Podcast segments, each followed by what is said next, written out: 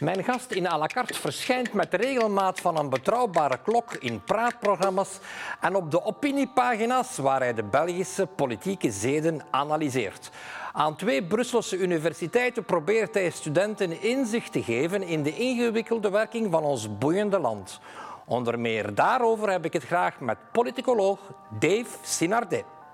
Wat denkt u nu van Brussel? Is Brussel een helhol? Lukt er niets in Brussel? Hoe gaat het nu met Brussel? Goed of slecht? Gaan we nu vooruit of achteruit? Een stad waar te veel auto's zijn? Of zijn de fietsers te arrogant? Wilt u er komen wonen of willen jullie juist weg? Welkom bij à la carte, Steve Sinardet. Dank je wel. Ik las een reactie van u op de geheime bijeenkomst eerder deze week van Brusselse Franstalige politici, die zich blijkbaar beraden over uh, een toekomstige staatshervorming waarop volgens hun de Vlamingen uit zijn. Wat dacht u daarvan? Ja, ik vond hun uitleg daarvoor nogal eigenaardig eigenlijk. Uh, want ze zeggen dat ze een soort Brusselse consensus willen vinden uh, over die volgende staatshervorming, wat er dan moet gebeuren om een aantal Brusselse belangen te verdedigen. Maar ze nodigen hun uh, Brusselse Vlaamse collega's daar dan niet voor uit, waarmee ze nogthans samen in dezelfde regering zitten. En waarmee ze waarschijnlijk rond die Brusselse belangen misschien meer common ground hebben dan met een aantal van de Waalse mensen in hun eigen Franstalige partijen. Dus dat is al heel raar. En dan spreken ze ook over, ja, uh, we willen een antwoord geven op een, uh, een, een, Vlaams front eigenlijk, hè, dat er is rond die staatshervorming, allerlei Vlaamse eisen. Dan denk ik ook van, ja, dat Vlaams front is eigenlijk meer een Franstalig fantasme. Uh, de standpunten tussen Vlaamse partijen over een staatshervorming liggen verder uiteen dan elkaar, hè, gaande van een totale splitsing van het land tot herfederalisering. dus, dus, dus ja, ook, ook, ook, dat is een beetje bizar. Maar en ik denk eigenlijk... Dat? Komt dat, dat, dat Franstaligen daar dat, zo sterk in geloven dat er een soort uh, Vlaamse machtsgreep in Brussel gaat gebeuren? Ja, ik weet ook niet helemaal of ze er allemaal evenzeer in geloven. Ik denk dat er misschien ook andere redenen waren om die vergadering uh, te organiseren, maar dat ze die redenen niet zo gemakkelijk publiek durven uiten in Franstalige media en dan maar teruggrijpen naar dat Vlaamse front. Ik denk dat dat ook een, uh, een poging is om misschien ja, onderling ook een, een consensus te vinden als Brusselse Franstalige politici tegenover een aantal vragen of eisen of visies die in Wallonië leven binnen hun eigen partijen. Bijvoorbeeld binnen de PS is het duidelijk dat de Brusselse afdeling heel anders denkt over zo'n staatshervorming en de rol van Brussel daarin dan de, de Waalse afdelingen. Aan de Waalse kant is men heel hard voor uh, een ver doorgedreven België met vier.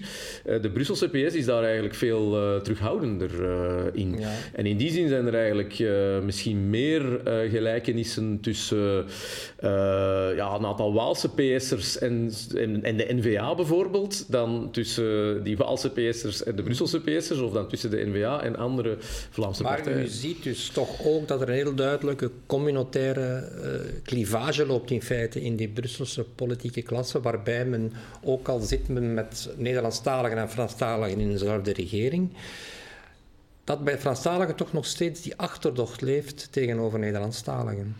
Ja, voor een stuk is dat zeker zo. Hè. Uh, en bijvoorbeeld die achterdocht, uh, die, uh, die verklaart ook wel waarom men aan Franstalige kant niet echt veel uh, stappen wil zetten, bijvoorbeeld rond uh, het overhevelen van bevoegdheden van de gemeenten naar het gewest. Hè.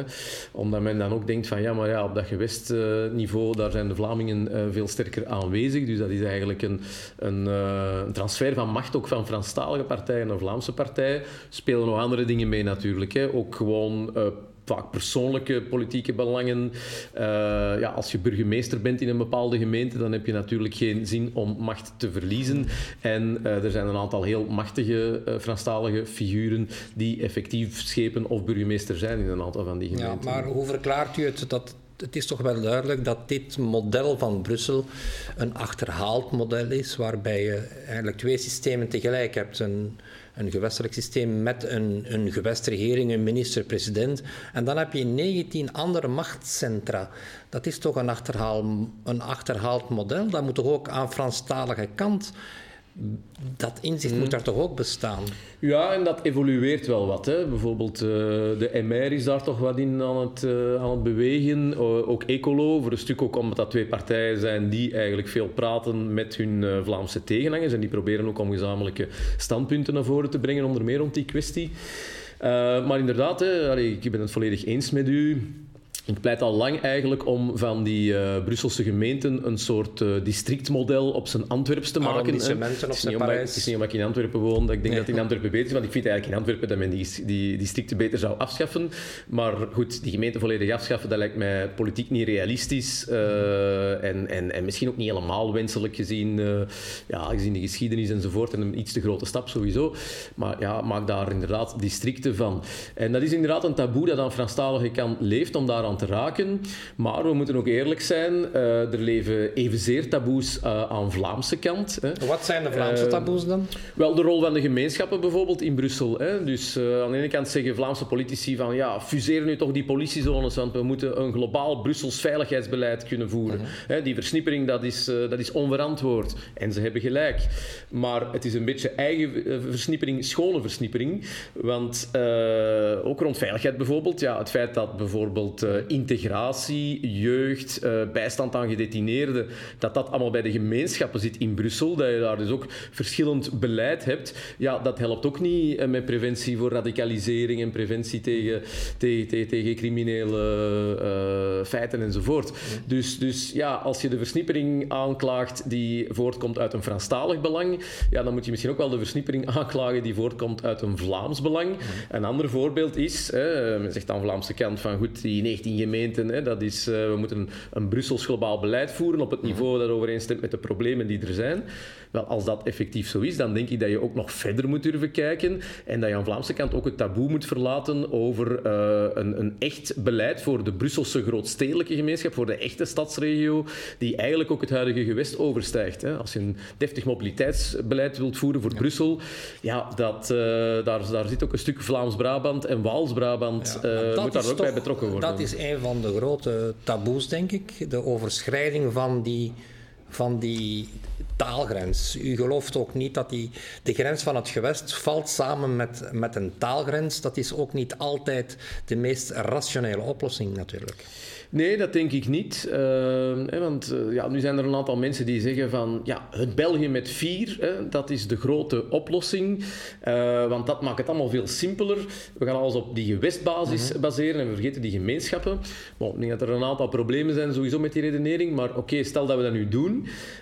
Uh, ja, dan blijf je volgens mij nog met een heel fundamenteel probleem zitten in ons Belgisch federalisme. Dat is dat die gewesten socio-economische bevoegdheden hebben, maar dat hun grenzen bepaald zijn op basis van taal. Op basis van de taalsituatie ook in 1963, toen de taalgrens is vastgelegd. En eigenlijk zit daar een soort mismatch. Hè. Uh, ik zeg het, uh, mobiliteitsbeleid. Ja, als je voor Brussel een echt mobiliteitsbeleid wil voeren, kan je dat niet enkel als Brusselse regering, mm-hmm. laat staan als Brusselse gemeente gemeente. Uh, ja, je zou dat eigenlijk echt veel, veel, veel breder moeten bekijken. Hetzelfde eigenlijk voor, uh, voor arbeidsbemiddeling. Uh, jarenlang had je eigenlijk een probleem dat de arbeidsbemiddelingsdiensten VDAB, Forum en Actiris gewoon naast elkaar werken. Ja. Dat is nu wel wat verbeterd, maar je blijft toch met een probleem zitten dat het blijkbaar heel moeilijk is om Brusselse werklozen ja, naar jobs te leiden, bijvoorbeeld op de luchthaven van, van Zaventem. Dus als je nu zou kunnen dromen en niet met het politiek haalbare rekening moet houden, dan zou je zeggen dat je eigenlijk die op socio-economische basis de grenzen van het gewest zou moeten hertekenen, zonder met de communautaire trekjes daar uh, rekening te houden. Ja, eigenlijk wel. Hè. Ik denk, uh, als ik nu echt van een totaal wit blad zou mogen vertrekken, zonder rekening te moeten houden met enige historische contingentie of continuïteit uh, of politieke realiteit, dan zou ik misschien durven zeggen, hè, als ik echt zou dromen, van kijk, laat ons eigenlijk maar drie niveaus maken. Een echt lokaal niveau, hè, want dat is belangrijk. -huh. Uh, ik zou dan een, een soort tussenniveau voor, voor het federalisme maken, uh, gebaseerd op stads- en streekregio's. Ik denk dat dat eigenlijk het model een beetje is, ook voor, ook voor, voor, de toekomst. Ja, en dan op federaal niveau dat de overstijgende zaken moet doen. Ik denk wel, het is natuurlijk heel belangrijk om de huidige belangrijke gemeenschapsmateries, zoals cultuur, media en zeker onderwijs, om dat apart ook wel te blijven organiseren in het Nederlands, in het Frans, voor die, die taalgemeenschappen. Maar eigenlijk heb je daar geen, ook geen aparte regeringen voor nodig. Hè. Ja, maar dan kom, je dicht, dan kom je heel dicht bij, de, bij de vroegere provincie Brabant, in feite. Uh, Brussel met Vlaams-Brabant en Waals-Brabant, economisch zeer, zeer sterk hinterland. Mhm. Die horen in feite bij elkaar, zegt u dan? Ja, eigenlijk wel. Uh, ik geloof niet zozeer in de provincies in het algemeen als een relevant niveau. Ik denk dat je dan beter echt naar stads- en streekregio's gaat. Maar ik denk als je inderdaad die bredere Brusselse agglomeratie, als je die gaat proberen uh, vastleggen, hè, en daar, daar zijn allerlei studies over ook, er zijn allerlei criteria die je ervoor kan gebruiken. Ja, dan kom je niet helemaal tot het vroegere Brabant, maar, maar ja, in grote lijnen uh, gaat het dan wel uh, die richting uit. Waarbij het, voor, voor, alle, voor alle duidelijkheid, waarbij ik het dan wel heel belangrijk zou vinden dat je die discussie loskoppelt van de taalgrens, die voor mijn part kan blijven liggen waar die, waar die ligt. Ja, ik zeg niet dat dat een, je... dat hoeft geen volledig tweetalige uh, anders gebied te worden. heel dicht in de buurt van Le Grand Bruxelles, waarvan de, de Franskions droomden in de jaren 60, van Brussel tot aan Leuven in feite. Ja, ja, dat is natuurlijk ook niet de bedoeling dat je daar een verfransingsmachine van maakt. Maar tegelijkertijd moet je wel, denk ik, op eh, een aantal van de huidige uitdagingen een goed mhm. eh, antwoord kunnen geven. Maar goed, nu zijn we ons inderdaad al wel ver aan het, uh, ja, zijn we ver aan het afdrijven van wat er vandaag politiek, politiek realistisch is natuurlijk. Ja, want u, u bent een groot specialist van de staatshervormingen. U heeft een boek geschreven over de vorige staatshervorming met de weluidende titel in het Nederlands Quo Vadis. Ja. Quo Vadis België, waarheen gaat België? Kunt u nog een antwoord geven op die vraag? Waar gaat België naartoe? Uh, dat is inderdaad een heel goede vraag en geen evidente vraag om te beantwoorden. Uh, ik denk ook dat uh, veel politici daar eigenlijk geen heel duidelijk antwoord op kunnen geven. Zoals ik daarnet al zei, hè, het interessante aan het staatshervormingsdebat is dat de standpunten verder dan ooit uit elkaar liggen. Hè. En niet enkel tussen Vlamingen en Franstaligen, maar ook binnen de Vlamingen en voor een stuk ook binnen de, binnen de Franstaligen. vroeger ging een staatshervorming altijd over de vraag: oké, okay, hoeveel bevoegdheden bevoegdheden gaan we defederaliseren en de welke dan uh, en hoe prioritair is dat? Daar, daar waren verschillen onder Vlaamse partijen over. Maar nu zijn er zelfs verschillen over de vraag ja, welke richting moet die bevoegdheidsoverdracht uitgaan. En zijn er sommigen die zeggen van misschien moeten we sommige zaken herfederaliseren. Dat, dus ik denk dat dat, dat een grote uitdaging wordt om tussen Vlaamse partijen al een akkoord te sluiten. Laat staan met, met, met, uh, met Franstaligen. Wat je wel voelt natuurlijk als het dan gaat over Quo Vadis, ja, is dat die, ja, die gemeenschappen staan natuurlijk wel wat onder druk. Hè? En, en men, men, wil eerder dat België baseren op de gewesten. Hè? De verregaande, het verregaand doorgetrokken is aan dat fameuze België met vier. Hè? Wat eigenlijk een België met vijf is, hè? want er is ook nog een federaal niveau. Dus we hebben nu zes regeringen, we zouden dan vijf hebben. Zoveel simpeler is dat dan misschien ook weer niet. Uh, dat, men gaat wel een beetje in die richting, maar ik denk eigenlijk ook niet dat we echt heel ver daarin gaan gaan. Ik denk niet dat we bij een volgende staatshervorming bijvoorbeeld onderwijs, cultuur, uh, media, wetenschappelijk onderzoek, dat dat echt allemaal naar die gewesten uh, gaat gebracht worden. dus ik denk dat de gemeenschappen nog, nog, gaan, blijven bestaan. Hoogste stam en misschien een aantal van de andere bevoegdheden die nu bij de gemeenschappen zitten, zou men die naar de gewesten kunnen overhevelen, maar zelfs daar is uh, eigenlijk geen, geen, geen, volledige consensus ja. over. Maar toch zou het wel eens kunnen dat die volgende staatshervorming bijzonder pittig wordt, omdat u kent ook de financiële toestand van Wallonië, van Brussel en vooral van de Federation Wallonie-Bruxelles, die dus eh, zeer slecht is. En daar zal dus toch wel iets, iets moeten gebeuren. En dat is natuurlijk, als je dan kijkt dat het enige gewest dat ongeveer financieel gezond is, Vlaanderen is, dan kan je wel denken dat er tijdens die staatshervorming over geld zal gepraat worden. En als er over geld gepraat wordt, dan zeg je meteen, ja, er zullen toegevingen moeten gedaan worden.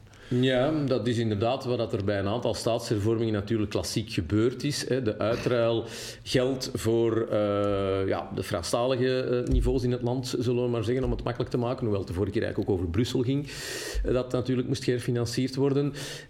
versus dan bevoegdheden, hè, waar dan vooral een aantal Vlaamse partijen grote, grote ja, de, de vragen Waarover zou dat dan nu kunnen gaan? Want er zal waarschijnlijk maar, toch wel veel geld naar de Franstaligen moeten gaan om het faillissement ja, te vermijden de vraag is, uh, waar moet dat geld vandaan komen? Hè? Vroeger kwam dat dan meestal van het federale niveau, maar dat federale niveau, dat zien we nu ook, dat zit zelf ook niet in goede financiële papieren. Dus dat zou dan eigenlijk al rechtstreeks vanuit Vlaanderen moeten komen. Uh, ja, hoe, hoe, hoe, gaat dat precies gebeuren? Zijn alle Vlaamse partijen het daarmee eens? Ik kan me inbeelden dat een nationalistische partij als N-VA, als die echt veel meer bevoegdheden kunnen naar Vlaanderen trekken, dat ze daar best wel wat geld voor over hebben. Welke bevoegdheden zou dat, dat kunnen zijn? Welke bevoegdheden zou Vlaanderen nog kunnen eisen? Uh, er zijn nog wel heel wat bevoegdheden die op federaal niveau liggen. Hè.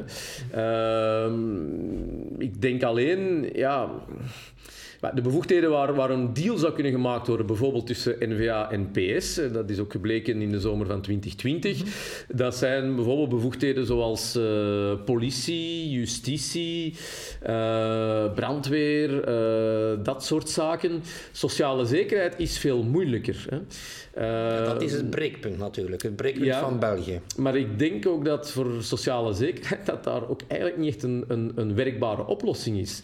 Ja, want dan kom je terug op die discussie gemeenschap versus gewest. Mm. Uh, stel, uh, je wil uh, bijvoorbeeld de werkloosheidsuitkeringen, je wil dat overhevelen, je wil dat splitsen. Ja, één optie is dus de gemeenschappen, maar dan zou je in Brussel twee systemen van werkloosheidsuitkering naast elkaar laten bestaan.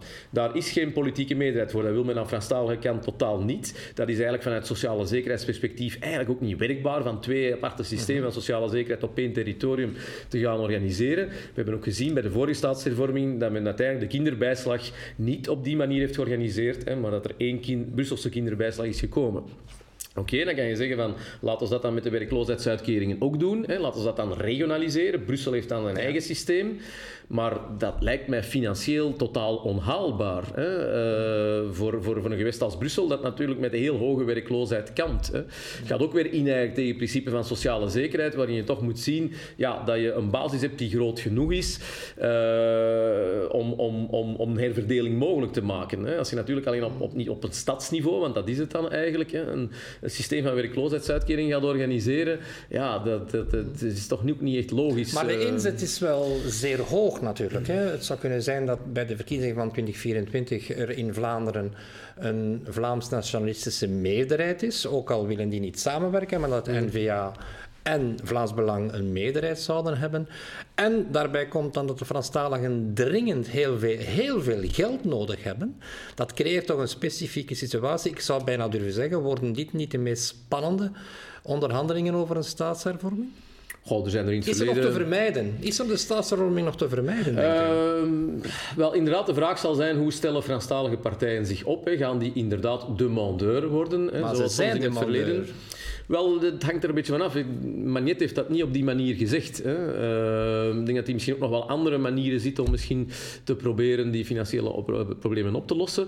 Maar de vraag is eigenlijk vooral, hè, die ik mij stel, van, ja, is het überhaupt mogelijk om tot een akkoord over een nieuwe staatshervorming te komen? Uh, de vorige keer bij de zesde staatshervorming waren daar al acht partijen voor nodig. Dat gaan er minstens evenveel zijn, uh, aangezien de versnippering van het politieke landschap alleen maar verder schrijdt, zodat er misschien zelfs negen, wie weet zelfs tien zijn. Uh, zoals ik al zei, die standpunten tussen die partijen lopen heel sterk uiteen. Ja, eh, gaat dat, eh, gaat dat überhaupt lukken? En hoe lang gaat het duren voordat er tussen acht, negen of tien partijen echt een, een akkoord gaat gevonden worden? En ja, gaat dat dan een akkoord zijn? Hè? Want, want iedereen zegt nu plots van ja, maar dit keer gaat, moet het dan allemaal versimpelen en efficiënter worden. Ja, dat zijn we de vorige zes keren ook. En na elke staatshervorming stelt men vast dat het net complexer en minder efficiënt wordt. Ja, een akkoord tussen zoveel partijen en zoveel belangen en zoveel visies gaat natuurlijk ook misschien niet uh, plots leiden tot een bestuurlijk walhalla. Hè? Dus, dus allez, ik ben zelf ook een beetje in dubio. Ik vind ook dat ons huidige federaal systeem, dat daar heel veel aan kan verbeterd worden. Uh, als expert onder meer in federalisme vind ik het ook fijn dat er daarover debatten gevoerd worden. Maar toch vraag ik mij af of het wel zo'n goed idee is om opnieuw uh, heel veel energie, tijd en middelen te gaan steken in het onderhandelen van een nieuwe staatshervorming als het resultaat daarvan misschien weer even teleurstellend zal zijn dan, uh, dan dat van de vorige. Maar er zal in ieder geval, als het niet gaat over een staatshervorming, zullen de volgende onderhandelingen over een regering toch wel heel zwaar zijn, omdat je, u heeft het zelf gezegd, omdat je daar zit met een, een grote, steeds groot, groter wordende staatsschuld, een, groot, een enorm begrotingstekort, het, het grootste van Europa momenteel.